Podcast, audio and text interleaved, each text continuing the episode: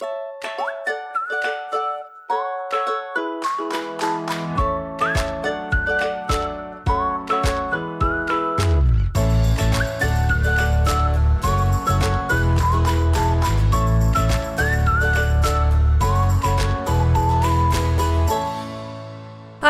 en welkom bij de Wat ik wou dat ik wist podcast. Superleuk dat je weer luistert. Dit is de podcast waarin ik deel wat ik wel eerder had willen weten en verhalen vertel waar jij je als twintiger hopelijk in herkent. De aflevering van deze week gaat over dik zijn in een land waar dun de norm is. Ehm, het is ook de bespreking van het boekenclubboek van de maand september. En dat is Knap voor een dik meisje van Tatjana Almouli. En dat boek inspireerde me zo erg dat ik dacht, ik wil een hele aflevering maken uh, over dit onderwerp. Dus vandaar dat dit een extra uitgebreide boekenrecensie aflevering wordt.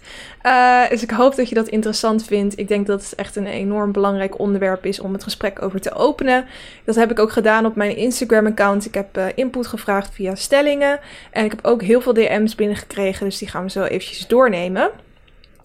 Um, voordat dat begint wilde ik eventjes terugblikken op afgelopen week. Ook eventjes wat serieuzere noot. Ik denk dat we allemaal wel de uh, persconferentie hebben gezien en uh, dat er weer nieuwe maatregelen zijn gekomen, dat we eigenlijk allemaal weer een stapje terug moeten doen.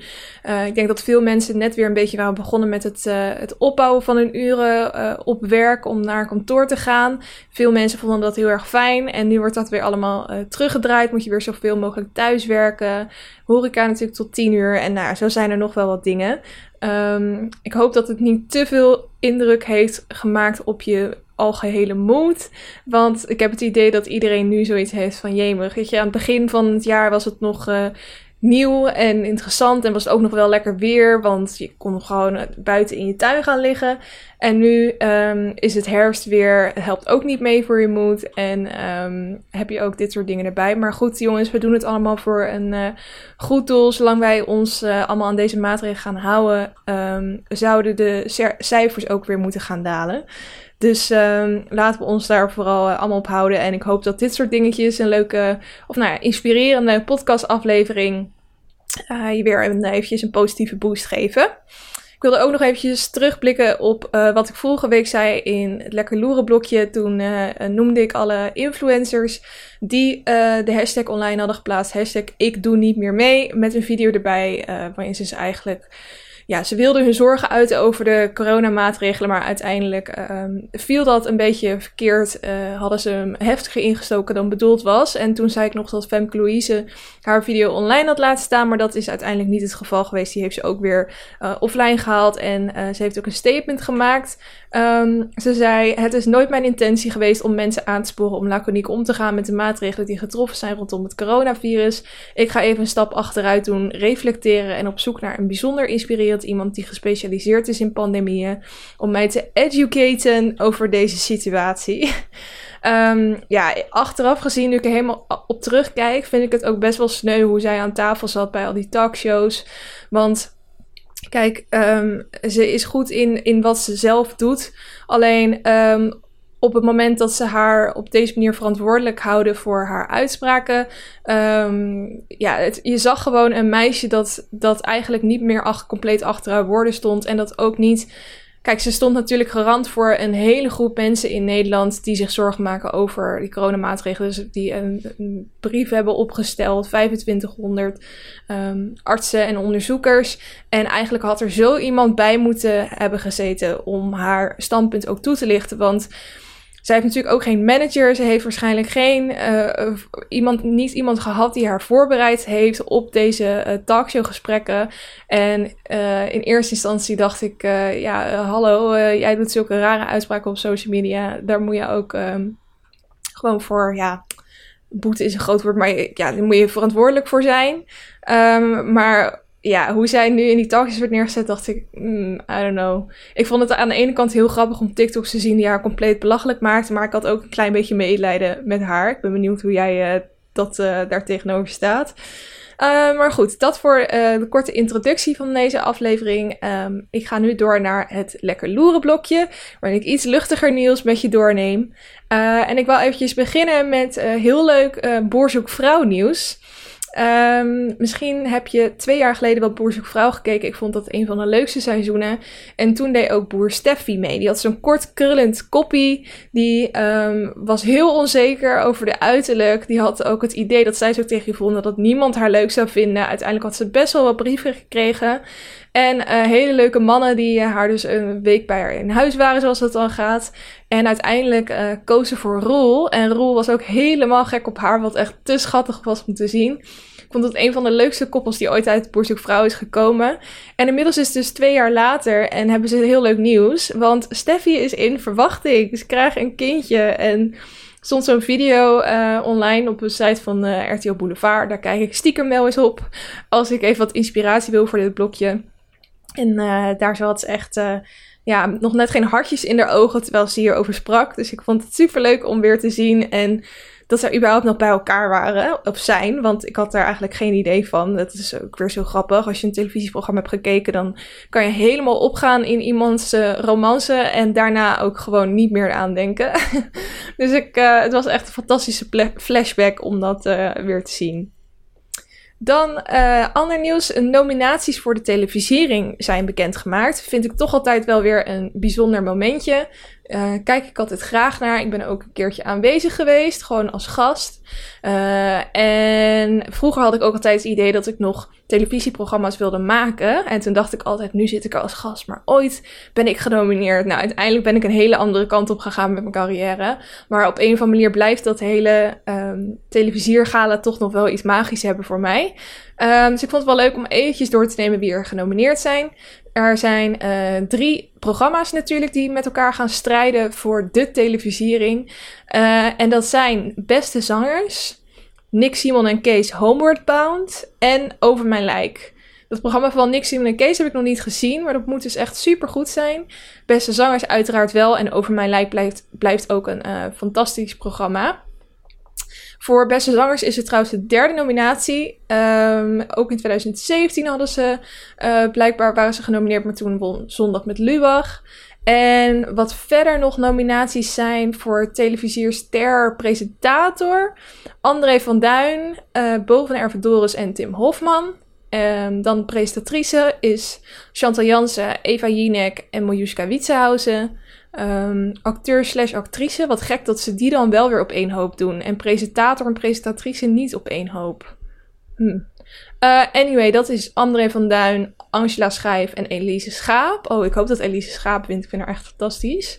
Dan heb je nog de talentcategorie. Bram Krikke, Holly Meebrood en Martien Meiland. Oh, wat grappig, Martien Meiland. En uh, online videoserie heb je dan nog. Boos is genomineerd van Tim Hofman. Jachtseizoen 2019 van Stuk TV. En de politievlog van Jan Willem. Super grappig.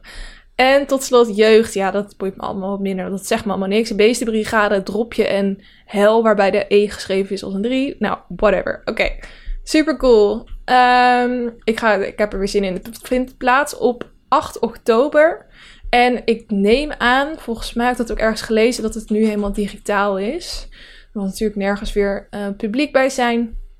Dus uh, nou ja, dan kijken we het lekker vanaf de bank. Dus dat over uh, de nominaties van de televisiering. Dan het volgende nieuwtje. David Attenborough is op Instagram. En dat is de stem als je wel eens een natuurdocumentaire hebt gekeken van It's a marvelous creature. Nou, als, dat, als dat een belletje doet rinkelen, dan heb je sowieso, sowieso hem een keer gezien. Of nou, niet gezien, maar zijn stem gehoord bij een docu. Um, ja, het, het, ik, ik baal nu al van het moment dat hij ooit gaat sterven, dat hij niet meer dit werk kan gaan doen. Want ik kan me gewoon niemand anders voorstellen die zoiets goed kan doen. Um, en hij is natuurlijk aardig op leeftijd, maar hij heeft nu besloten om op Instagram te gaan. Zijn account heeft inmiddels 4,7 miljoen volgers en is nog niet eens een week actief. En de reden dat hij uh, op Instagram zit, maakte hij gelijk bekend met zijn eerste video. En dat is omdat het heel slecht gesteld is met onze wereld op milieugebied. Ijskappen smelten, uh, de, de, algemene temperatuur gaat natuurlijk omhoog. Nou, er, er gebeurt van alles. En hij heeft zoiets van, ja jongens, we moeten nu echt gaan ingrijpen. En als er dan één doelgroep is die hij specifiek wil bereiken, dan zijn dat de jongeren. En die zit natuurlijk op Instagram. En hij heeft ook net een nieuwe natuurdocu uitgebracht. En die probeert hij ook op die manier uh, te promoten. Want daarin doet hij dus ook een oproep naar alle mensen om uh, ja, nu echt in actie te komen. Ik zou hem zeker gaan volgen op Instagram. Ik doe het al. En um, ja, ik, ik kan gewoon überhaupt al genieten van zijn stem. Je ziet af en toe stukjes van de natuur voorbij komen. En uh, ja, ik vind het wel een vette zet. Dus um, ga dat volgen. En tot slot het laatste nieuwtje. Uh, Gigi Hadid is bevallen van een dochtertje. Ze was natuurlijk uh, zwanger. Aan het begin van haar zwangerschap werd er nog heel geheimzinnig over gedaan. Eigenlijk duurde het best wel lang voordat we überhaupt wisten dat Gigi en Zayn, wat natuurlijk haar man is, ex-One Directioner, um, een kindje zouden krijgen. Uh, er is niet heel veel over naar buiten gekomen. Weinig foto's ook, behalve een uh, enorme zwangerschapsshoot die ze had gedaan. Maar inmiddels is ze dus bevallen van een dochter. En uh, de naam is volgens mij nog niet bekend. Kon ik in ieder geval nog niet vinden. Dus dat is het enige wat we nu weten. En we hebben ook geen foto gezien. Alleen een foto dat uh, je een klein babyhandje ziet, maar nog geen uh, gezichtje of wat dan ook. Er zijn natuurlijk ook heel veel mensen die er nu voor kiezen om dat niet te doen, om hun kinderen van social media af te houden. Dus uh, we weten ook niet of dat gaat komen. Maar superleuk in ieder geval dat zij nu een kindje hebben. Al zijn ze allebei nog wel mega jong. Ik heb het idee dat steeds meer celebrities echt super jong kinderen krijgen. Nou, anyway. We gaan door naar het LKL'tje, waarin ik je lees, kijk en luistertips geef. Uh, een luistertip, daar begin ik eventjes mee, die ik je wil geven, is een podcast van Elfie Days. En die heet The Secrets Out. En deze tip kreeg ik van um, een van uh, mijn luisteraars via een DM. En toen dacht ik, oh ja, hier heb ik iets van voorbij zien komen, dus ik ben hem gaan opzoeken. En ik vind hem echt fantastisch. Elfie Days is een hele bekende uh, Britse YouTuber. En op Instagram is hij ook enorm groot. En hij woont samen met Zoella, waar ik het wel eens eerder over heb gehad in mijn podcast. En zij hebben echt een mega imperium inmiddels. Um, maar wat hij nog niet had, was een podcast. En dat heeft hij nu dus wel. Er staat nog maar één aflevering online, wat ik altijd wel fijn vind. Want misschien heb je dat ook wel met mijn podcast gehad. Dat je dan zoiets hebt van, oh, nu, nu stap ik ergens in. Maar eigenlijk wil ik vanaf het begin dan alles horen. Dat heb ik in ieder geval een soort gekke kronkel. Dus daarom vind ik het heel fijn dat deze nog pas één aflevering heet. Ook alles vanaf het begin gelijk mee kan luisteren. Um, het idee van de podcast is dat een heleboel mensen anoniem hun bizarre geheimen hebben ingestuurd naar Elfie. En hij gaat die met gasten um, celebrities, eigenlijk vooral mensen die enorm groot zijn in Amerika, maar ook van het in, of eh, in, sorry, in Engeland, maar ook van het internet in het algemeen, uh, gaat hij bespreken. Dus elke week heeft hij weer nieuwe gasten. In de eerste aflevering is een soort comedy duo te gast en zijn vriendin Zoella. En uh, Zoe Sak, zal ik haar noemen met hele naam. en um, dan gaan ze dus de gekste geheimen bespreken. En ze moeten ook, ieder, uh, ieder moet zelf ook iets gaan opbiechten, een geheim. En nou ja, er komen allemaal verschillende bizarre verhalen boven tafel. En ik kan daar ook heel erg van genieten. Ik vind het soms fijn om een podcast zoals die van mij te luisteren, waarin iemand um, solo praat en uh, meer een soort inspirerend verhaal uh, afsteekt. En soms vind ik het ook wel fijn om gewoon echt naar een, gesprek te luisteren, meer alsof je iemands gesprek zit af te luisteren in een café of zo. En dat is dit echt. Dus um, ja, ik, ik zou hem zeker aanraden. Hij heet dus The Secrets Out van Elfie Days.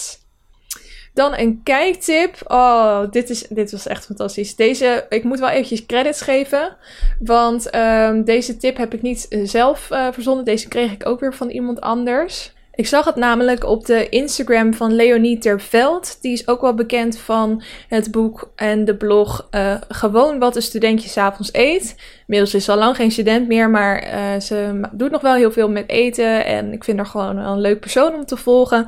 En zij had dus op haar Instagram stories uh, een aantal dingen getipt. Waaronder de Netflix film um, My Octopus Teacher. En dat was precies op het moment dat ik eigenlijk op een vrijdagavond op de bank lag. En mijn moeder zei van, kom Kelly, we gaan iets kijken. Dan wil ze altijd dat ik iets uitkies. Wat dan ook nog is waar ze ook een hele specifieke wens voor heeft. Super irritant. dus ik dacht, nou, misschien vindt ze dit wel iets, want ze is gek op natuur. En uh, wie weet. Um, nou, waar het over gaat, My Octopus Teacher. Het gaat over een, uh, het is dus een film van ja, gewoon anderhalf uur of zo. Ik dacht eerst dat het fictie was, maar het is een soort documentaire stijl, maar wel met een geniale uh, verhaallijn.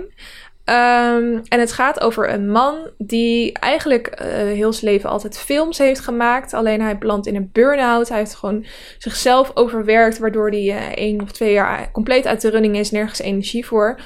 En hij um, herinnert zich opeens de tijd dat hij kind was en dat hij heel veel in de natuur was en dat dat hem heel goed deed. Dus hij wil weer terug de natuur in. En dan is er een gebied vlakbij zijn huis. Wat, uh, waar heel ondiep water is. En waar heel veel uh, zeedieren leven. En hij besluit om daar elke dag te gaan duiken. En um, op een dag komt hij daar zo een octopus tegen. En die kruipt helemaal in een hoekje. En die, um, op een of andere manier voelt hij een soort gekke connectie met die octopus. Hij heeft zoiets van: ik ga gewoon elke dag dat ik hier zo ga duiken op zoek naar die octopus. Dus dat doet hij ook. En op een gegeven moment bouwt hij een beetje een, vertrouwensrelatie op met die octopus. In eerste instantie wil die octopus niets van hem weten. Duikt helemaal weg in een nisje. Um, maar langzamerhand komt hij steeds meer tevoorschijn en steekt hij één tentakel uit. En dan uiteindelijk zit hij opeens helemaal op zijn arm. En uh, super leuk om te zien is dat. En um, die man heeft dus een fantastische camera bij zich. Ik snap echt niet hoe hij dit allemaal heeft vast kunnen leggen.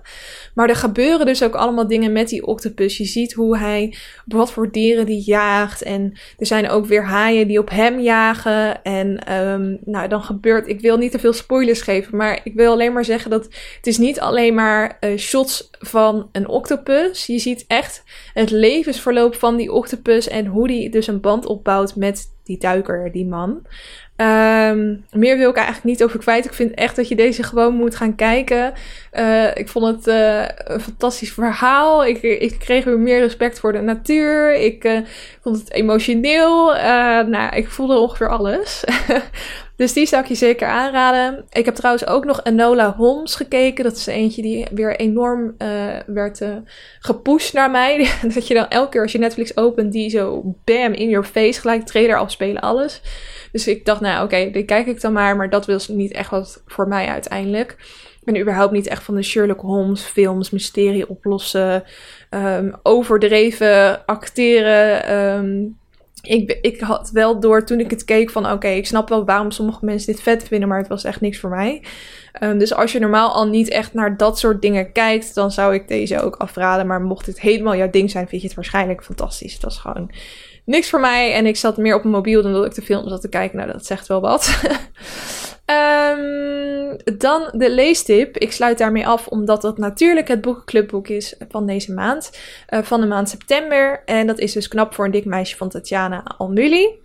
Uh, ik zal eerst beginnen met mijn recensie. Dan ga ik uh, recensies doornemen van luisteraars die ook het boek hebben gelezen afgelopen maand, in die een recensie op uh, in de Goodreads boekenclub hebben gezet.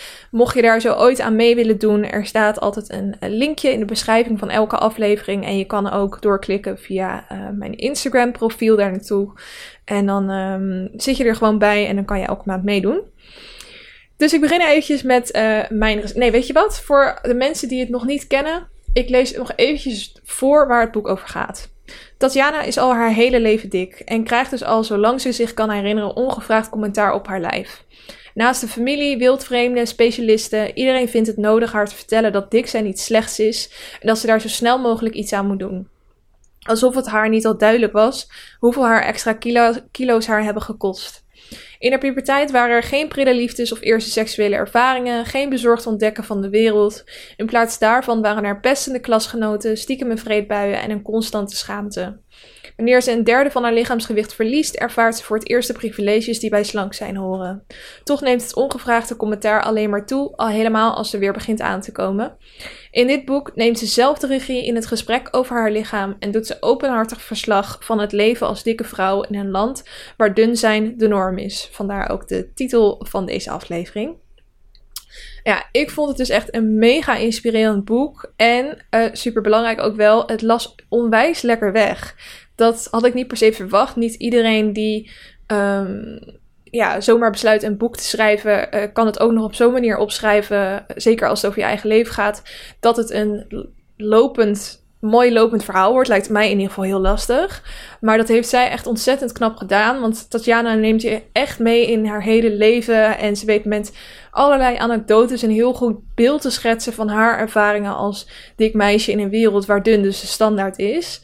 En ik heb hierdoor wel echt mega veel respect voor haar gekregen. En ja, ik vond het ook gewoon heel interessant om meer te leren over hoe het bijvoorbeeld ook achter de schermen gaat bij obese. Want dat staat niet eens echt in de, in de um, samenvatting van uh, het boek wat ik net voorlas. Maar zij doet dus mee aan het programma Obese en vertelt ook helemaal over haar ervaring met, uh, ja, die wordt natuurlijk een jaar lang gevolgd en je krijgt een super streng dieet. Uh, je moet dagelijks super veel sporten en um, hoe zij dat allemaal ervaart, vond ik heel interessant. Um, en het heeft me ook wel heel erg aan het denken gezet over de kritiek die zo makkelijk wordt geuit op nou, eigenlijk elk lijf dat afwijkt van een norm. Um, dus ik zou daarom dit boek echt iedereen aanraden. Um, ze is trouwens nog een boek aan het schrijven. Wel over iets compleet anders. Maar dit stuurde iemand uh, uh, ook door via DM naar mij. En um, dat boek heet Hoe is het om 16 te zijn in Nederland? En dan gaan ze dus verschillende mensen over dat onderwerp interviewen. Uit alle, alle hoeken van de samenleving eigenlijk. Leek me ook wel heel interessant, maar dus compleet iets anders. Maar wilde ik toch ook eventjes genoemd hebben. Dan uh, hebben we nog wat recensies van luisteraars. Ik begin eventjes met die van uh, Yara. Um, ze zei, uh, het boek leest slash luistert, ze had hem geluisterd, ontzettend makkelijk weg. Ik ben altijd gezegend geweest, tussen aanhalingstekens, met een snelle stofwisseling en slanke bouw. Hierdoor heb ik nooit hoeven stilstaan bij alle drempels en ongemakken die vollere mensen dagelijks tegenkomen. Ook heb ik mij schuldig gemaakt aan gewichtsdiscriminatie zonder dat ik erover nadacht. Het boek heeft mij aan het denken gezet. En nu ik mij ervan bewust ben, merk ik hoezeer anderen dat nog niet zijn. En hoezeer de media en overheid nog steeds een ideaal beeld hebben waar dik niet in past. Letterlijk. Dan um, een recensie van Monisha van uh, de website Books and Dreams. Zeker een tip trouwens. Ik las knap voor een dik meisje voor de boekclub. Uh, wat een ontroerend, puur en eerlijk verhaal. Tatjana Amelie vertelt in knap voor een dik meisje haar kwetsbare en persoonlijke verhaal over hoe het is om dik te zijn en hoe dat haar leven beïnvloedt. Er zaten heel veel eye-openers voor mij als lezer in en ik voelde me ook vaak persoonlijk aangesproken. Ik vond het schokkend om te lezen dat Tatjana dagelijks wel honderden keren werd geconfronteerd met haar eigen gewicht. Was het niet door haarzelf, dan is het wel door buitenstaanders. Maar ik verbaas me bijvoorbeeld ook over hoe medici, medici omgingen met haar eetstoornis. Voor een land waar de gezondheidszorg goed is geregeld, vind ik dat er flink gefaald is op het gebied van eetstoornissen, of in ieder geval bij Tatjana. Ik ben ontzettend, ontzettend blij dat Tatjana zich kwetsbaar heeft durven opstellen om haar leven met de wereld te delen. Het is zo belangrijk dat dit verhaal verteld wordt. En zoals ze zelf aan het einde vertelt, dit verhaal is nog maar een begin. Laten we hopen dat haar verhaal mag bijdragen aan een keerpunt in onze samenleving. Een samenleving die nog te veel is gefocust op een onrealistisch ideaalbeeld. Dan Chanel. Ik heb het boek binnen twee dagen uitgelezen omdat het erg fijn wegleest. Ik vind het een belangrijk onderwerp en de druk op dun zijn en wat oordelen over anderen kan doen met iemands zelfvertrouwen bespreekbaar te maken. Ik ben ervan geschrokken wat Tatjana voor opmerkingen te horen kreeg over haar overgewicht, hoewel ik dit soort opmerkingen over anderen ook hoor in mijn omgeving. Het boek is ontroerend, eerlijk en puur geschreven. Tatjana gaf ook als voorbeeld dat veel mensen andere mensen complimenteren wanneer zij afvallen, terwijl de oorzaak vaak onbekend is en misschien wel een erge ziekte kan zijn, wat natuurlijk enorm pijnlijk is. Ook laat het zien dat veel mensen het gevoel hebben dat dun zijn gelukkig maakt. Hoewel ik niet iemand ben die me hardop zou uitlaten over iemand anders gewicht, hoop ik wel dat het boek mij heeft geholpen om vooroordelen over gezondheid en overgewicht in mijn gedachten los te laten. Dan tot slot Sigrid. Ik heb het boek echt binnen drie dagen uitgelezen. Het leest heel gemakkelijk weg. Tijdens het lezen van haar persoonlijke verhaal heb ik mezelf meerdere keren verbaasd. Al die pijnlijke opmerkingen die zij ongewild te horen heeft gekregen, echt bizar. Na het lezen van dit boek ga ik zeker proberen minder snel te oordelen over mensen met een maatje meer. Het is natuurlijk ook veel te makkelijk om direct te denken dat deze mensen vast veel te ongezond eten, maar toch is dit helaas wel een gedachte die door je hoofd gaat. Een boek met een belangrijke boodschap dus. Ik ben blij dat ik hem heb gelezen naar aanleiding van deze boekenclub. En dan nog een luisteraar die het een jaar geleden heeft gelezen. Maar haar recensie komt dan uiteindelijk hier ook te staan als zij die ooit op Goodreads heeft geschreven. Elle die zei nog erg indrukwekkend verhaal met op het eind ook nog een paar lessen voor mij als zorgverlener die ik zeker ga meenemen. Nou, het mag duidelijk zijn, fantastisch boek. Maar mocht je het toch niet gaan lezen, ik wil toch eventjes wat dingetjes aanstippen. Omdat ik dat, vind dat dit boek zo'n belangrijke boodschap heeft. En er waren gewoon bepaalde momenten dat ik in het boek dingen las. En dat ik dacht, ja, maar dit, dit wil ik eigenlijk precies zo vertellen aan luisteraars. En de enige manier om dat te doen is het gewoon om bepaalde dingetjes eventjes voor te lezen. Dus ik hoop ook dat als zij ooit deze aflevering luistert, dat ze dat niet erg vindt. Ehm, maar dat uh, wilde ik toch eventjes doen, omdat nou, ik het gewoon heel inspirerend vond. Ten eerste een punt wat zij maakt, um, hoe onze samenleving dus heel erg is ingesteld op dunne mensen. Dat, dat klinkt echt, ja, um, hoe moet ik dat zeggen, bekrompen, maar als dun mens, tussen aanhalingstekens, besef je dat niet altijd zo. Maar uh, dat is wel echt zo. En ze maakt ook een punt over hoe um, andere mensen eigenlijk eigendom worden van jouw gewicht. Dat je een soort algemene eigendom wordt. Nou, het zal duidelijk worden als ik het, uh, als ik het voorlees. Oh ja, op een gegeven moment dan uh, valt zij dus af. En dan zegt ze... Um, dunner zijn maakt me in eerste instantie wel zorgelozer. Ik ben niet constant bezig met wat ik niet kan of hoe mensen reageren. Ik merk ook hoe anders mensen met me omgaan. In kledingwinkels waar geen grote maten te koop zijn, word ik niet meer met een schuin oog aangekeken door verkopers. Want waarom zouden ze? Ik pas de kleding gewoon. Als ik met vriendinnen ben, word ik niet meer straal genegeerd of uitgelachen door mannen. Als ik met mijn broertje naar mijn zusje in Curaçao vlieg, pas ik in de stoel en hoef ik geen verlengstuk voor de riem te vragen. Wist ik dus niet eens dat zoiets bestond. Of dat mensen daar zelf om moesten vragen.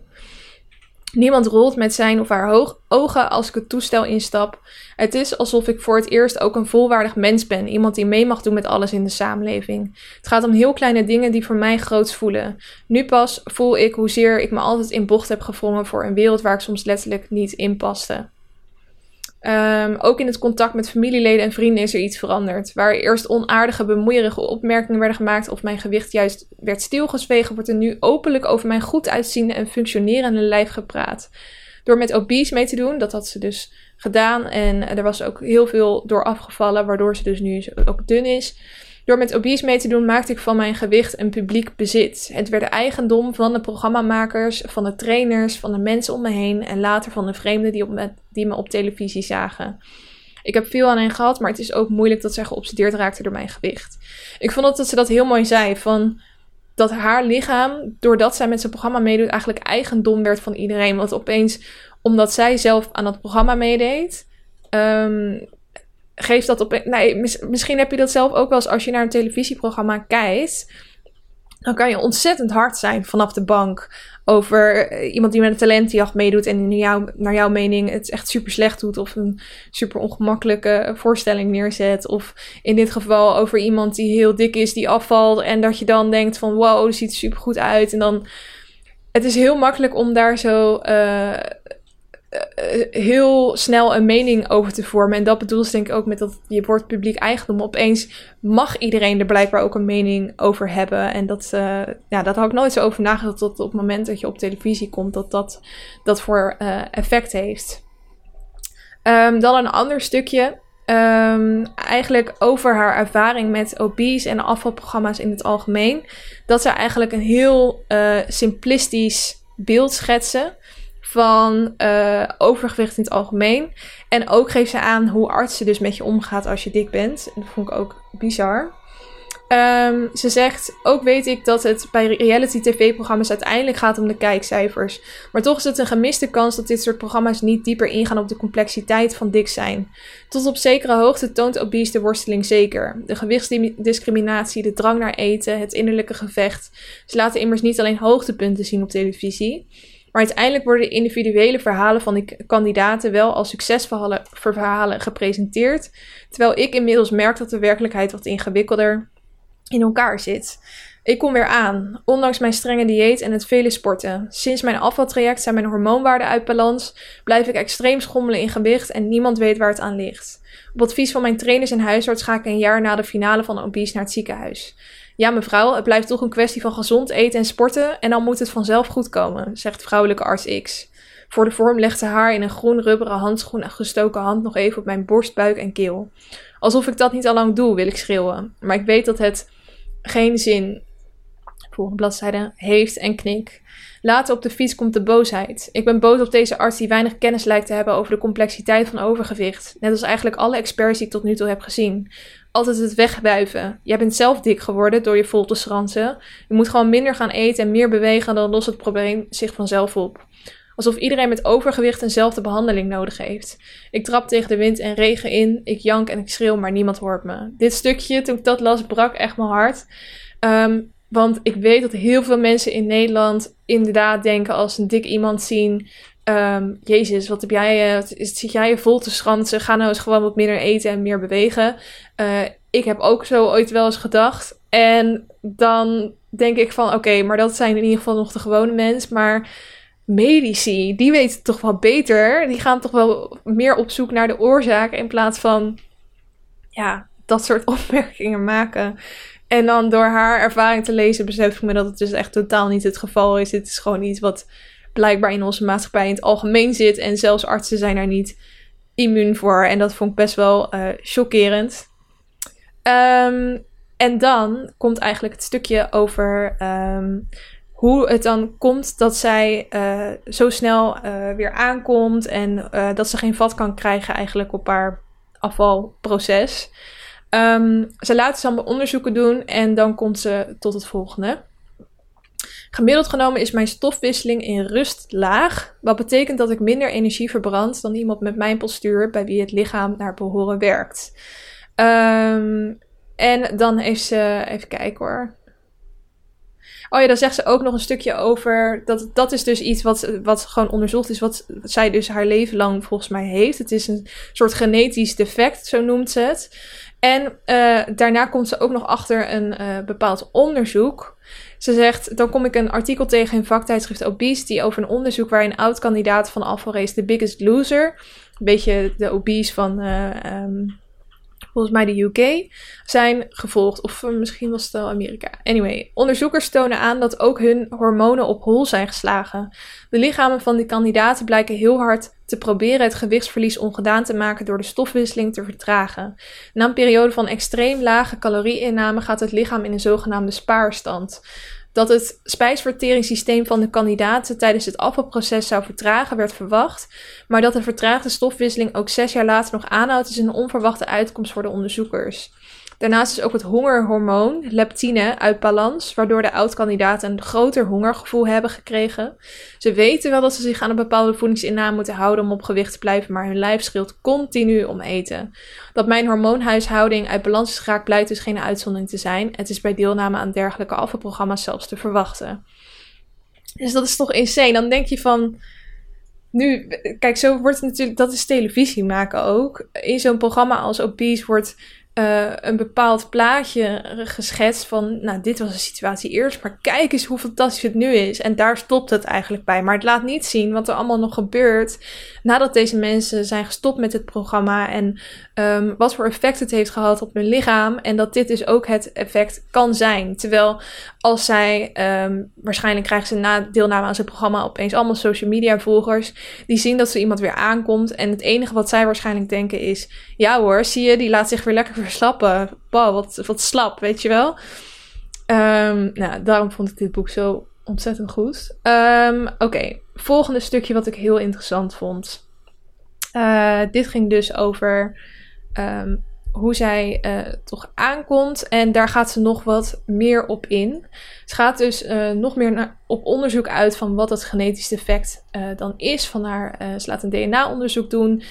En daar komt uit, ik heb de ziekmakende variant van het MC4 receptordefect. Het is fijn om zekerheid te krijgen, te weten dat ik niet gek ben, omdat ik altijd al dacht dat er naast mijn eetbuien iets anders aan de hand was. Professor van Rossum vertelt dat dit gendefect veel invloed kan hebben. Dat ik vaak door een groot hongergevoel overmand word, kan hierdoor komen. Dat ik door kan blijven eten zonder een vol gevoel te bereiken ook. Ik weet heel goed hoeveel ik moet eten om niet te veel calorieën binnen te krijgen en ik weet wat gezonde voeding is en wat niet. Maar mijn onstilbare honger is soms niet te temmen. Nu weet ik eindelijk waar dat vandaan komt. En dat is dus waar ik zelf dus nooit mee heb hoeven dealen. Ik heb eigenlijk altijd dat ik op een bepaald punt kom en dat, dat mijn lichaam vanzelf aangeeft: oké, je zit vol, dit was genoeg. En dan stop ik met eten en eigenlijk, ja, ik, ik, ik ben in de jaren misschien wel iets aangekomen, maar over het algemeen blijf ik gewoon heel steady op hetzelfde uh, gewicht. En dat is gewoon het teken van een gezond lichaam. Ehm, dat het in ieder geval werkt zoals het zou moeten werken. En uh, ik kan me niet voorstellen hoe het is om gewoon non-stop alleen maar aan eten. Zeg maar, het moment dat je al vier uur, zeg maar, nou, misschien langer, laten we zeggen, zes uur niets gegeten hebt en je maag echt aan het rommelen is, dat je dat gevoel gewoon de hele dag door hebt. Ik snap wel dat je op niks anders meer kan concentreren en dat je er doodmoe van wordt. Dat elke keer hoeveel moeite je wel ook niet moet doen om te diëten. Insane. Um, ja, en hieruit blijkt dus ook wel, zij beschrijft eigenlijk in heel haar boek hoeveel moeite ze ook heeft gedaan om op het juiste tussen aanhalingstekens gewicht te komen. En um, daaruit blijkt ook wel wat haar enorme inzettingsvermogen is. En dat het dus eigenlijk allemaal niet zo uh, simplistisch is als het lijkt. Want er was gewoon ook van alles aan de hand in haar lichaam. Dan gaat ze nog verder in op waarom nou eigenlijk iedereen automatisch dikke mensen als slecht zien. En hier wordt het pas echt interessant, naar mijn mening. Um, kijk, ze zegt het zelf ook. Um, ze begint eigenlijk van. Uh, waarom vind ik het eigenlijk zo erg dat ik weer dikker word? Waarom zorgt de angst om nog meer aan te komen zo'n drukkend gevoel op mijn borst? Ik heb toch ervaren dat slanker zijn me niet per se gelukkiger maakt of meer zelfvertrouwen geeft. Uh, nou, daar gaat ze verder over nadenken. En dan zegt ze: Mijn harde oordeel over dik zijn komt deels doordat het gezondheidsrisico's met zich meebrengt. Hoewel ik nog nooit ernstige gezondheidsklachten heb gehad, ben ik me bewust van de verhoogde risico's op bijvoorbeeld hart- en vaatziekten, suikerziekte en bepaalde vormen van kanker die mijn overgewicht met zich meebrengen. In de toekomst zou ik graag moeder worden, maar als je dik bent heb je een verhoogde kans op onvruchtbaarheid, zwangerschapsvergistingen en miskramen. Het zijn dingen waar ik, nu ik ouder word, steeds meer mee bezig ben. Kijk, dat is wel iets. Um, op het moment dat iemand echt zwaar, zwaar overgewicht heeft, dan kan je ervan uitgaan dat ze risico lopen op deze dingen die zij nu noemt. Hetzelfde geldt voor iemand die heel, heel, heel, heel dun is. Dat is een teken dat er iets aan de hand is. Maar dat geeft je nog niet het recht om te oordelen, omdat je nog steeds niet weet wat er met zo iemand aan de hand is. Ze gaat verder. Maar mijn angst om dik te zijn beperkt zich niet tot mijn gezondheid. Het zit veel dieper. In onze maatschappij worden dikke mensen sneller gezien als lui, ongedisciplineerd, dom, lelijk, onverzorgd en niet fit. Deze ideeën zijn zo diep doorgedrongen in onze samenleving dat ik ze heb, dat ik ze heb geïnternaliseerd. En dit vind ik leuk, of niet leuk, interessant. Hoe kan het ook anders? Van jongs af aan heb ik de boodschap gekregen dat dik zijn niet goed is. Niet alleen van mijn naaste omgeving, maar ook van de media en van onze cultuur. Er waren nauwelijks dikke kinder- en tienerlijven te zien op tv of in de bioscoop, dus ik kon me met niemand identificeren. Um, en dan begint ze over uh, de Walt Disney film De Kleine Zeemermin. Fotograaf en activiste Substantia Jones noemt het voorbeeld Ursula uit de Walt Disney film De Kleine Zeemermin. Ik weet nog dat ik als kind bang was wanneer de zeeheks in beeld kwam en met haar enorme tentakels in het rond sloeg. Ik herinner me haar luide stem, gemene lach en grote lijf dat veel ruimte innam. En hoe ze Ariel, de heldin van het verhaal, slecht behandelde. Als Ursula in beeld kwam, klonk er dreigende muziek. Jones probeert te duiden wat de rol van Ursula's lichaam is in het verbeelden van haar rol als slechterik. Ariel heeft een Barbie-lijf, een platte buik, prompte borsten, een smalle taille en een bos wilderig haar. Zij voldoet aan het vrouwelijke ideaal. En Ursula is met haar verschijning en karaktereigenschappen tegenovergestelde. Zij is dik en lelijk. Ursula's lijf wordt vergroot wanneer ze iets slechts uithaalt, waardoor haar kwaadaardige karakter samen lijkt te vallen met haar volle figuur. De boodschap, ze is eng omdat ze zo'n groot dik lijf heeft. Nou, toen ik dit las, dacht ik, wow, ik heb hier echt nog nooit over nagedacht. Dat ook wanneer ze iets slechts uithaalt, dat ze zo heel groot wordt. Um, waardoor, ja, dat maakt het natuurlijk ook weer ontzettend eng. Ik denk echt, je zou nu misschien denken van, nou, dit is toch maar een Disney-film. Ik denk echt dat dit soort dingen effect hebben. Uh, en ze gaat nog verder. Um, in haar studie The Stigma of Obesity Review and Update stelt ze dat mensen met overgewicht als een van de laatste groepen nog geridiculiseerd mogen, tussen aanhalingstekens, worden in onze cultuur. Als ze te zien zijn op televisie in films, dan worden dikke karakters vooral als dom, onaantrekkelijk of eng neergezet. Ze eten vaker junkfood, hebben nauwelijks romantische relaties en vertolken zelden de rol van hoofdpersoon of held. Ze zijn of een slechterik zoals Ursula of een sul zoals Dirk Duffeling uit Harry Potter. Deze vond ik ook interessant. En neem Monica Geller, Geller in Friends. Een van de terugkerende thema's in de comedy show is het commentaar op haar voormalig dikke lichaam. Haar vrienden maken flauwe grappen over haar gewicht en iedere keer dat Fab Monica in beeld komt gebeurt dat op een stereotyperende manier. Ze eet extreem ongezond en veel en krijgt in tegenstelling tot haar populaire slanke vriendin Rachel nauwelijks maandelijke aandacht. Pas nadat ze is afgevallen krijgt ze een succesvol liefdesleven. Ik heb dus pas Friends helemaal opnieuw zitten kijken. Of nou ja, inmiddels misschien alweer een jaar geleden. Maar daar doe je natuurlijk wel eventjes over. En nu, op, op, het stomme is, op dat moment besef je het nauwelijks. En je moet er zelfs een beetje om lachen. Elke keer als ze dat dikke typetje aandoet van hoe ze vroeger was dan uh, moet je daar stiekem een beetje op lachen. Maar hoe dit nu omschreven wordt, denk ik, nou, dit is echt bizar problematisch. Oké, het vond ook plaats in de jaren negentig. Nu zijn we gelukkig een stuk verder, maar insane eigenlijk dat de manier waarop op zo'n subtiele, nou ja, in dit geval juist helemaal niet subtiel, maar hoe um, het idee dat dik zijn is slecht eigenlijk in heel veel series um, verborgen zit en films. Inmiddels um, zie ik wel steeds vaker, gelukkig, dat ook uh, dikke mensen. Ik, jongens, ik wil nog wel eventjes zeggen. Ik zeg de hele tijd dik. En elke keer als ik het woord dik uitspreek, voel ik me slecht omdat er dus zo'n negatieve connotatie aan hangt. Maar als ik het woord noem, uh, besef dan wel dat ik puur en alleen een, uh, het lichaam wil aanmaken en er absoluut niks negatiefs over wil zeggen. Um, maar over het algemeen zie ik nu wel steeds vaker dat dikke mensen ook hoofdrollen krijgen in films. Al is dat dan vaak wel weer op een. Dan moet je grappig zijn, weet je wel? Oké, vooruit. Je mag de hoofdrol omdat je dik. Uh, en je bent dik. Maar dan moet je wel echt heel grappig zijn om dat dan op te heffen. Er is echt nog wel een weg af te leggen. En dat besefte ik me weer enorm toen ik dit allemaal las. Het volgende punt wat ze wil maken, ze heeft dus eigenlijk gezegd van ja, uh, het is niet heel gek dat wij op deze manier zijn gaan denken, want we zijn soort van geprogrammeerd door de media en door alle populaire cultuur die we tot, tot ons nemen. Um, en daardoor zijn er mensen uh, die wel houden van vollere lijven, uh, zichzelf, zijn, zichzelf gaan schamen. En dat is eigenlijk het volgende uh, punt dat ze maakt. Ze zegt: De Amerikaanse heteroman kijkt het meest naar BBW-porno, waarbij BBW staat voor Big Beautiful Women. Terwijl volgens de data de meeste mannen alleen slanke vrouwen willen daten. Door het westerse schoonheidsideaal, waarbij slanke vrouwen meer aanzien genieten en een man met een slanke vriendin dus ook, voelen deze mannen zich vermoedelijk geremd om uit te komen voor hun voorkeur, zegt Stefan Davidowitz, de onderzoeker. Waarschijnlijk daten deze man in het dagelijks leven met slanke vrouwen om indruk te maken op hun omgeving, terwijl ze misschien gelukkiger zouden zijn met een dikke vrouw.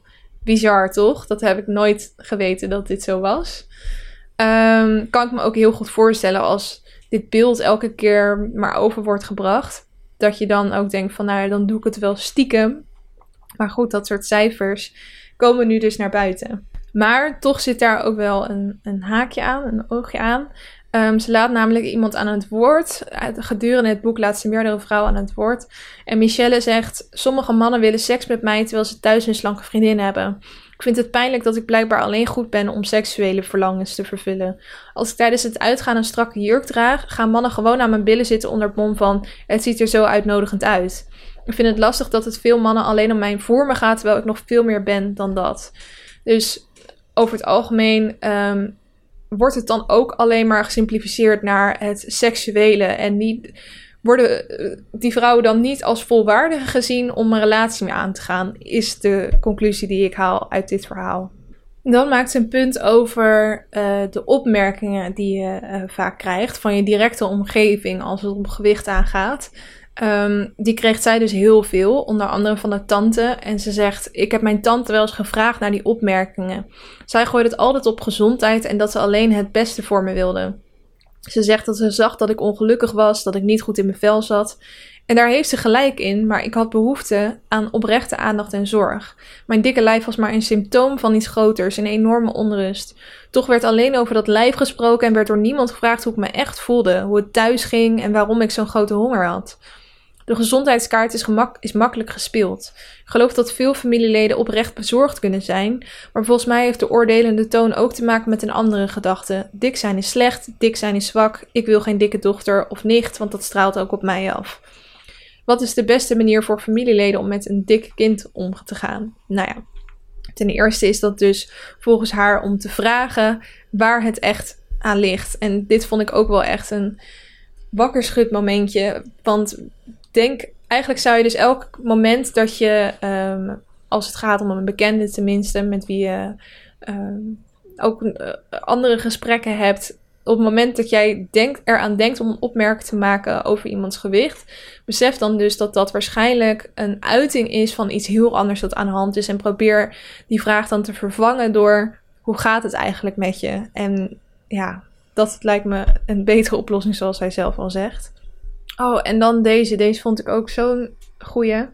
Um, je kent vast wel die vriendinnen die dan uh, altijd op hun gewicht aan het letten zijn. Wat in principe uh, iedereen doet zijn eigen ding. Dus dat is goed. Maar om dan in sociale situaties te zeggen van... Oh nee hoor, dat uh, hoef ik niet. Of oh ik ben weer een paar kilo aangekomen. Vind ik verschrikkelijk. En hier zegt zij over het volgende. Um, zo ook met vriendinnen die heel erg balen als ze een paar kilo zijn aangekomen. Ik weet dat iedereen natuurlijk gewicht heeft en een bepaald ideaal. En dat het niet eerlijk is om die vergelijking te maken. Maar op zo'n moment vraag ik me af: is mijn lijf jouw ergste nachtmerrie? Ik weet, zij hebben evenveel recht om hierover te praten of klagen als ik, maar ik voel me altijd ongemakkelijk tijdens dit soort gesprekken. Het wringt omdat al mijn vriendinnen slank zijn en zij ook met 5 kilo erbij nog steeds aan het schoonheidsideaal voldoen. Zo staat mijn gewicht geregeld tussen mij en mijn vrienden in ik vind eigenlijk dat we gewoon met z'n allen massaal moeten beslissen om het niet meer in elkaars bijzijn te hebben over gewicht. Want überhaupt is het altijd alleen maar een soort toneelstukje die opgevoerd wordt. Um, dat er wordt gezegd van, oh ja, ik moet echt afvallen hoor. En dat iedereen dan gelijk bijvalt en zegt, oh, maar je ziet er fantastisch uit. Ja, nee, maar ik ben echt weer aangekomen. Hé, waar dan? Dat zie je toch niet bij jou, weet je. Dat, dat hele toneelstukje, dat ben ik zo ontzettend zat. En om puur alleen maar elkaar eigenlijk aan te moedigen op die manier om het te hebben over um, ja, je uiterlijk veranderen naar een bepaald schoonheidsideaal. Ik ben dat zo ontzettend moe. En ik heb dan veel liever dat we, zoals zij net al zei, een gesprek aangaan van hoe voel je je nou en uh, waar zit je mee eventueel. Dan uh, iets zeggen over je eigen lichaam, omdat je daar met die opmerkingen ook weer effect kan hebben hoe iemand anders naar zijn eigen gewicht gaat kijken. En ik vind dat heel gevaarlijk.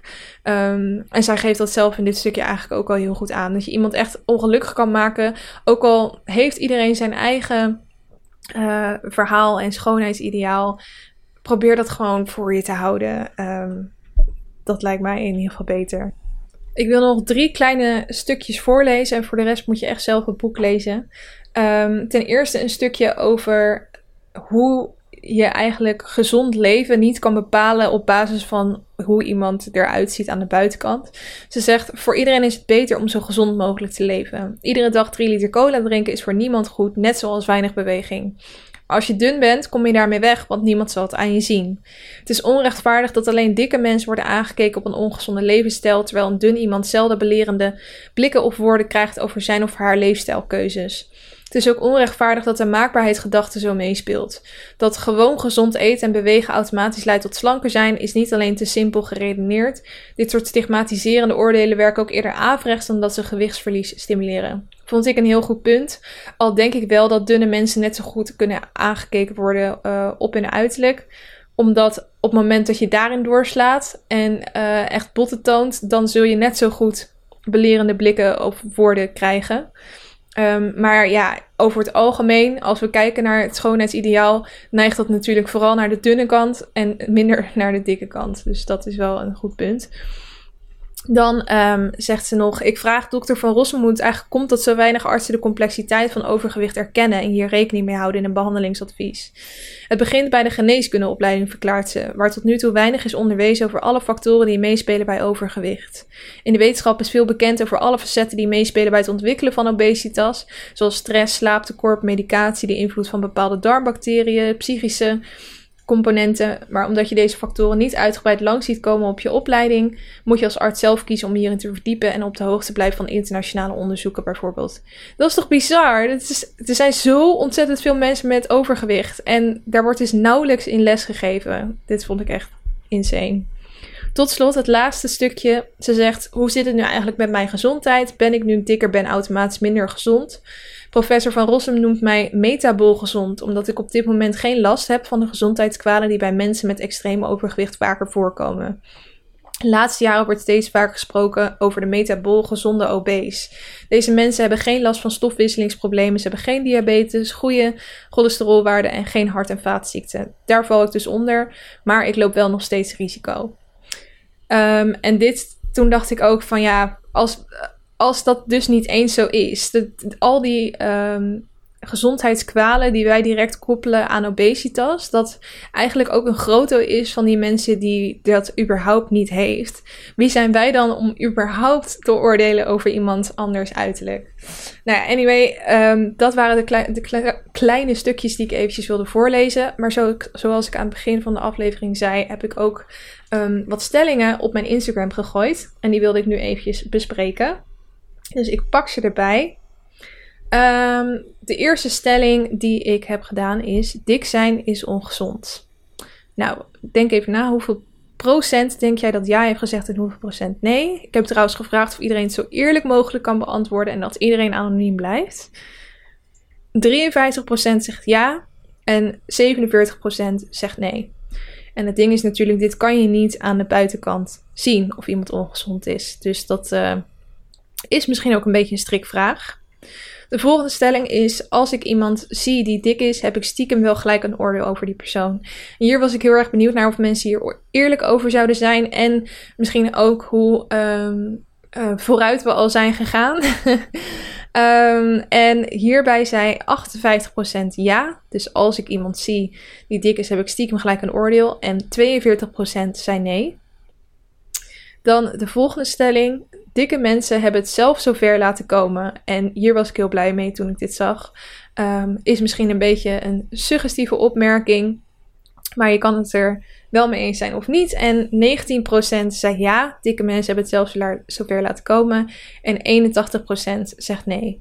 En opnieuw, dit weet je natuurlijk niet op het moment dat je iemand ziet.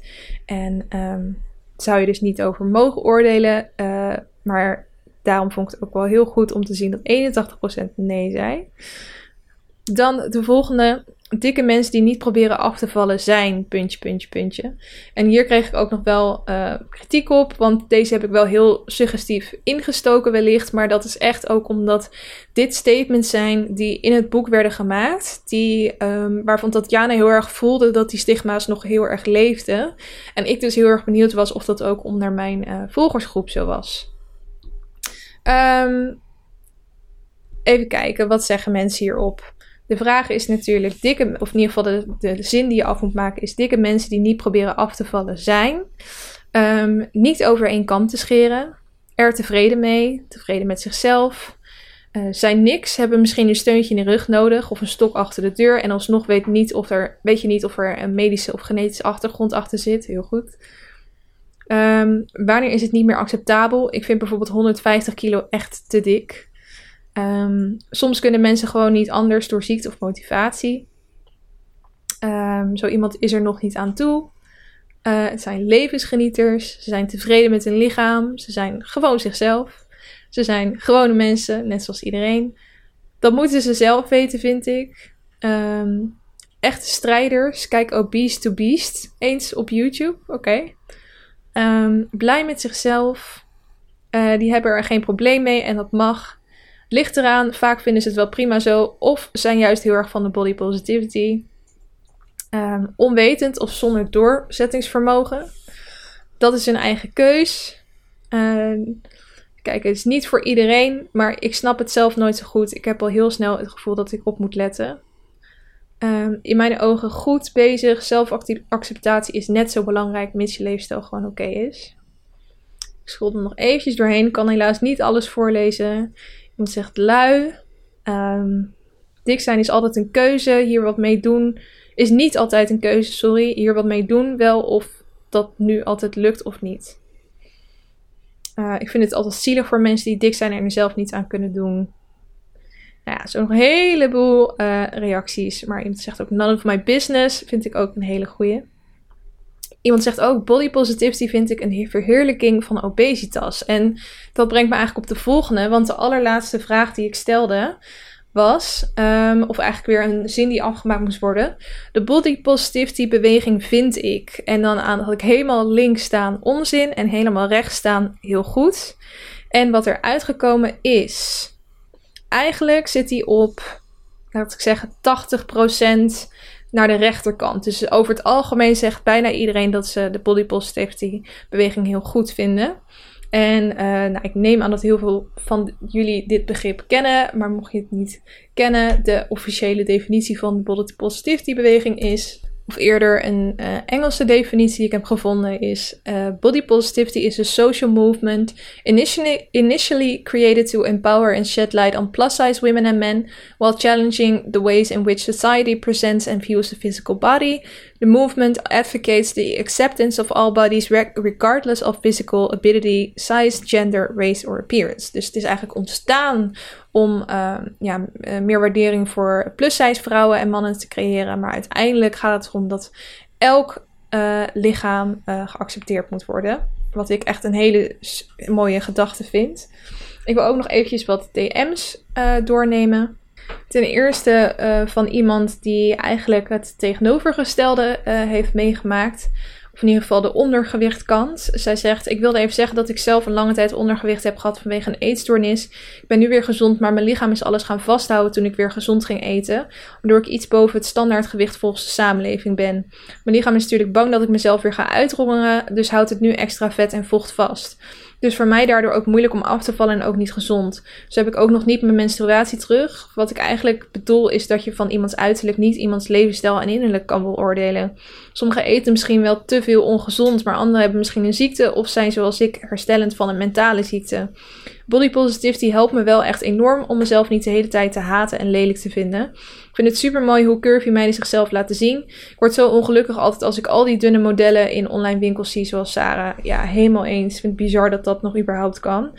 En ik vind het ook mooi om uh, te zien of interessant om te lezen dat ook mensen met ondergewicht uh, die ondergewicht hebben gehad, wel de body positivity beweging steunen. Want ik hoor ook wel eens andere verhalen dat. Volgens mij heb ik ook een DM daarover gekregen. Maar ik heb er heel veel gehad, dus ik kan ze niet allemaal behandelen. Dit vond ik ook wel een interessant punt van Lisa. Zij zei: um, Ik merk al snel dat wanneer mensen een mening hebben over dik zijn. Uh, zich niet kunnen inleven hoe het is voor de dikke persoon.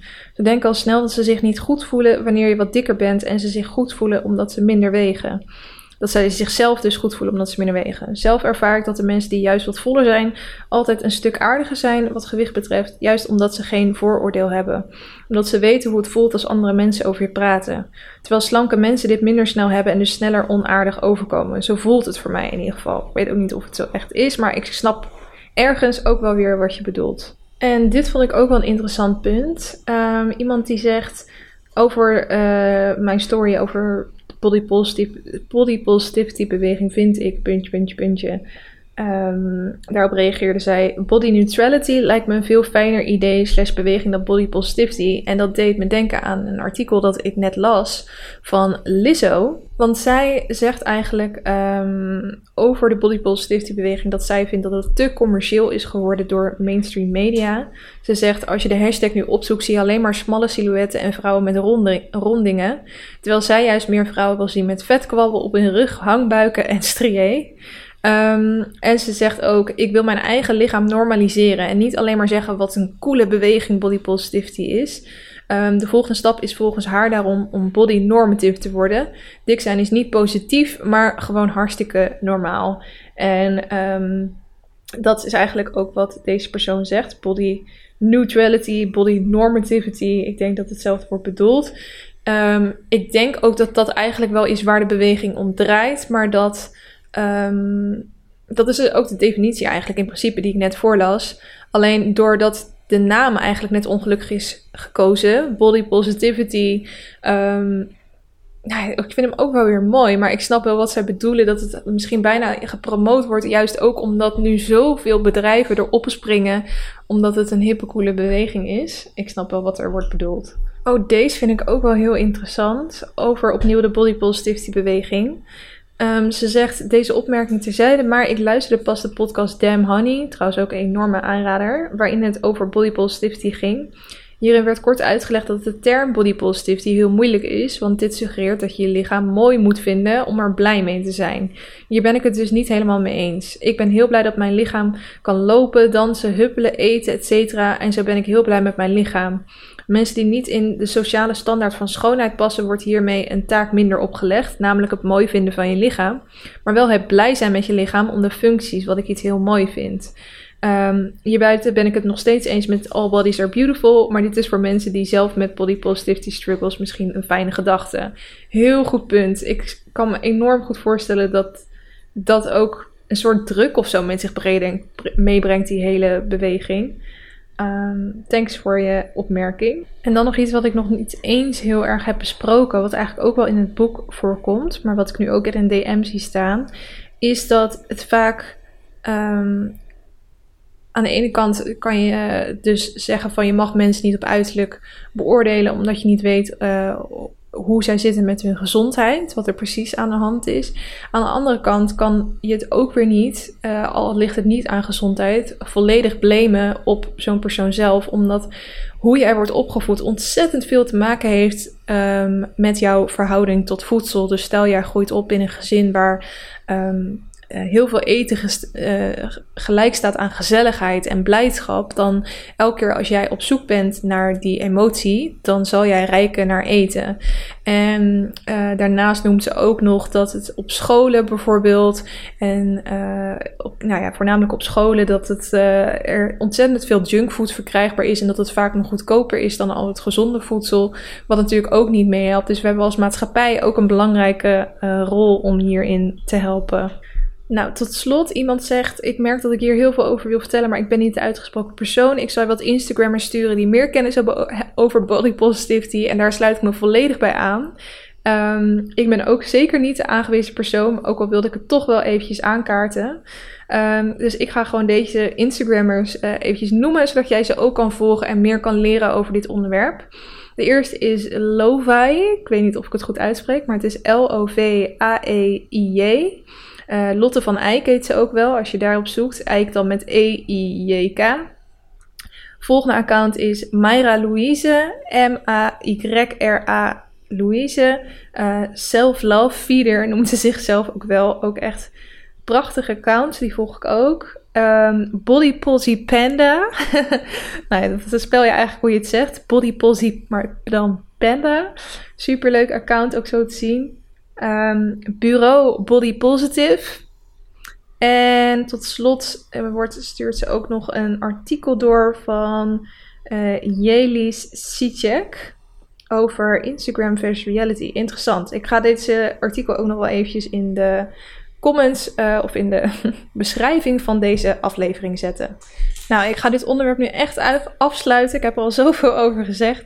Um, maar ja, de conclusie is gewoon: probeer eens twee keer na te denken als je weer een keer over iemands gewicht een opmerking wil maken of überhaupt intern over wil oordelen. Um, ik snap dat het iets is om lastig is om los te laten. Ook omdat, waar we het in deze aflevering ook over hadden, het zo geïnternaliseerd is um, door hoe de media het benadert, hoe ze zelfs dokters het benaderen, hoe het in Friends wordt benaderd. Dus het is ook niet raar dat je die denkbeelden hebt. Um, maar probeer er afstand uh, van te nemen. Er zit vaak zoveel meer achter dan je in eerste instantie zou denken. En um, dit hele verhaal geldt natuurlijk ook andersom. Alles wat ik in deze aflevering gezegd heb. Als je iemand heel dun vindt, denk dan niet, meid, ga eens eten. Maar probeer echt eens voor te stellen waar ze allemaal mee zou kunnen dealen op dit moment. En probeer wat empathie op te brengen. We zijn allemaal mensen van vlees en bloed. En eerlijk, het is ook gewoon echt niet meer 2020 om iemand te gaan beoordelen op zijn of haar uiterlijk. We zijn inmiddels echt wel wat verder dan dat. Um, en ik hoop ook dat uh, deze aflevering daar een stukje aan bijgedragen heeft. Ga ook dus vooral de mensen uh, volgen die je meer over, hier meer over kan vertellen. Die het je beter kunnen vertellen dan ik. Bijvoorbeeld de podcast Damn Honey. Bijvoorbeeld alle Instagram-accounts die ik net noemde. En um, ja, dat eventjes over dit onderwerp. Ehm, dan wil ik een, nieuw boek en een nieuwe challenge uh, gaan uitkiezen voor de maand oktober. We gaan al naar oktober, mensen. Insane. Um, het nieuwe boek wordt Ongetemd Leven van Glennon Doyle. Ik lees eventjes snel voor waar dat boek over gaat. Um, vind het lef om helemaal jezelf te zijn. Het is een beetje een, een, een zweverige. Uh, ja, ik, ik, hou, ik, ik ga niet zo heel goed op zweverige dingen. En dat, dat, die vibe heb ik wel een beetje als ik dit, deze samenvatting lees. Maar ik heb de eerste bladzijden gelezen online. Uh, Zo'n preview. En dat vond ik wel ontzettend leuk geschreven. En dit boek is een enorme bestseller. Dus het trekt me toch wel. Dus we gaan hem gewoon lezen. Um, Bestseller-auteur Glennon Doyle laat in Ongetemd Leven zien hoe vrouwen volledig en krachtig zichzelf kunnen zijn en daarmee meer geluk in het leven kunnen ervaren. Van jongs af aan hebben vrouwen geleerd te leven naar de verwachtingen van de buitenwereld. En Doyle pleit er in dit boek voor dat we die verwachtingen nu loslaten en ontdekken wie we echt willen zijn. Door haar eigen verhaal met de lezer te delen, geeft de auteur ons allemaal de kracht om een gehoor te geven aan de innerlijke stem die wij te lang hebben genegeerd. Alleen door echt jezelf te zijn kun je werkelijk gelukkig zijn en je mooiste leven leiden. Ontdek wie jij was voordat de wereld jou vertelde wie je moest zijn. Uh, ja, dat is, er komt nog allemaal quotes achteraan, maar dat is in ieder geval waar het boek over gaat. En wat ik zei, in je kracht staan. Ik, ik, ik ga altijd heel slecht op dat soort termen. Maar het zijn, het, want het zijn clichés en clichés zijn wel altijd waar. Um, maar goed, wat ik al zei, ik heb de eerste pagina's gelezen en uh, dat, uh, daardoor was ik enorm positief verrast. En het heeft dus heel veel goede beoordelingen. Dus daardoor ben ik heel nieuwsgierig naar. Mocht jij dit boek met mij willen lezen, um, dat kan. Uh, meld je dan dus eventjes aan voor de boekenclub. Het linkje staat in de beschrijving van deze aflevering. Uh, het zit dus gewoon op de website Goodreads. Daar hebben we een groep. En daar zet ik elke maand het boek in. Open ik ook een topic en het forum. En daarin kan je dus gedurende de maand uh, vertellen uh, wat je van het boek vindt. En aan het eind kan je een recensie schrijven. En die neem ik dus weer mee in de aflevering. En dan uh, de nieuwe challenge. Oh, ik zal nog één keer noemen hoe die heet trouwens. Hij heet Ongetemd Leven van Glennon Doyle. Dan de nieuwe challenge. Ik moet natuurlijk ook weer een challenge gaan doen in de maand oktober. En um, iets wat ik besefte is dat ik eigenlijk al heel lang niet meer gitaar heb gespeeld. Ik heb ooit wel eens gezegd dat ik in mijn vrije tijd gitaar speel. Van mijn 14e tot mijn 16e lessen gehad. En uh, sindsdien eigenlijk gewoon zelf altijd een beetje geplingeld. Ik zal het ook nooit voor een groot publiek gaan doen. Ik zal er nooit ontzettend goed in worden. Maar ik haal er wel heel veel plezier uit om het te doen. Um, en toen ik het dus pas weer eventjes deed, toen verloor ik gewoon complete tijd en had ik het zo erg naar mijn zin. Toen dacht ik, waarom doe ik dit nou niet vaker? En dat is natuurlijk perfect aan deze challenges. Die dwingen je om iets vaker te doen. Um, en dwingen klinkt dan heel negatief, maar vaak heeft het heel erg positief effect op mij. Dus ik uh, ga mezelf dwingen om uh, de komende maand elke dag eventjes op mijn gitaar te spelen.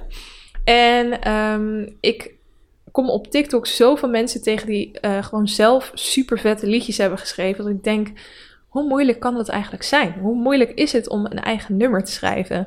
Dus wie weet, als ik het zat word om uh, allemaal covers te spelen die ik al 10.000 keer heb gespeeld, ga ik me ook wel eens wagen aan uh, ja, het wie weet schrijven van een eigen liedje. Terwijl ik het zeg, denk ik echt ja hoor, maar zeg nooit nooit. Dus, um, en nee, ik ga dan zeker niet optreden op mijn podcast, maar ik ga er wel uh, over vertellen over het proces natuurlijk. Um, Mocht je het leuk vinden, geef jezelf ook weer eventjes een challenge voor de maand oktober. Uh, geeft mij altijd wel een leuk gevoel om naar iets toe te werken. Mocht je dat ook hebben, uh, ja, dan kan het misschien ook wel fijn zijn in deze gekke tijd om een concreet doel te hebben. En dat is eigenlijk wel het einde van deze aflevering. Hij is uh, behoorlijk lang geworden, maar het was natuurlijk ook een onderwerp waar ik ja, nog niet heel vaak eerder over heb gepraat, waar ontzettend veel over te vertellen is. En het boek wilde ik gewoon echt eventjes goed uitlichten.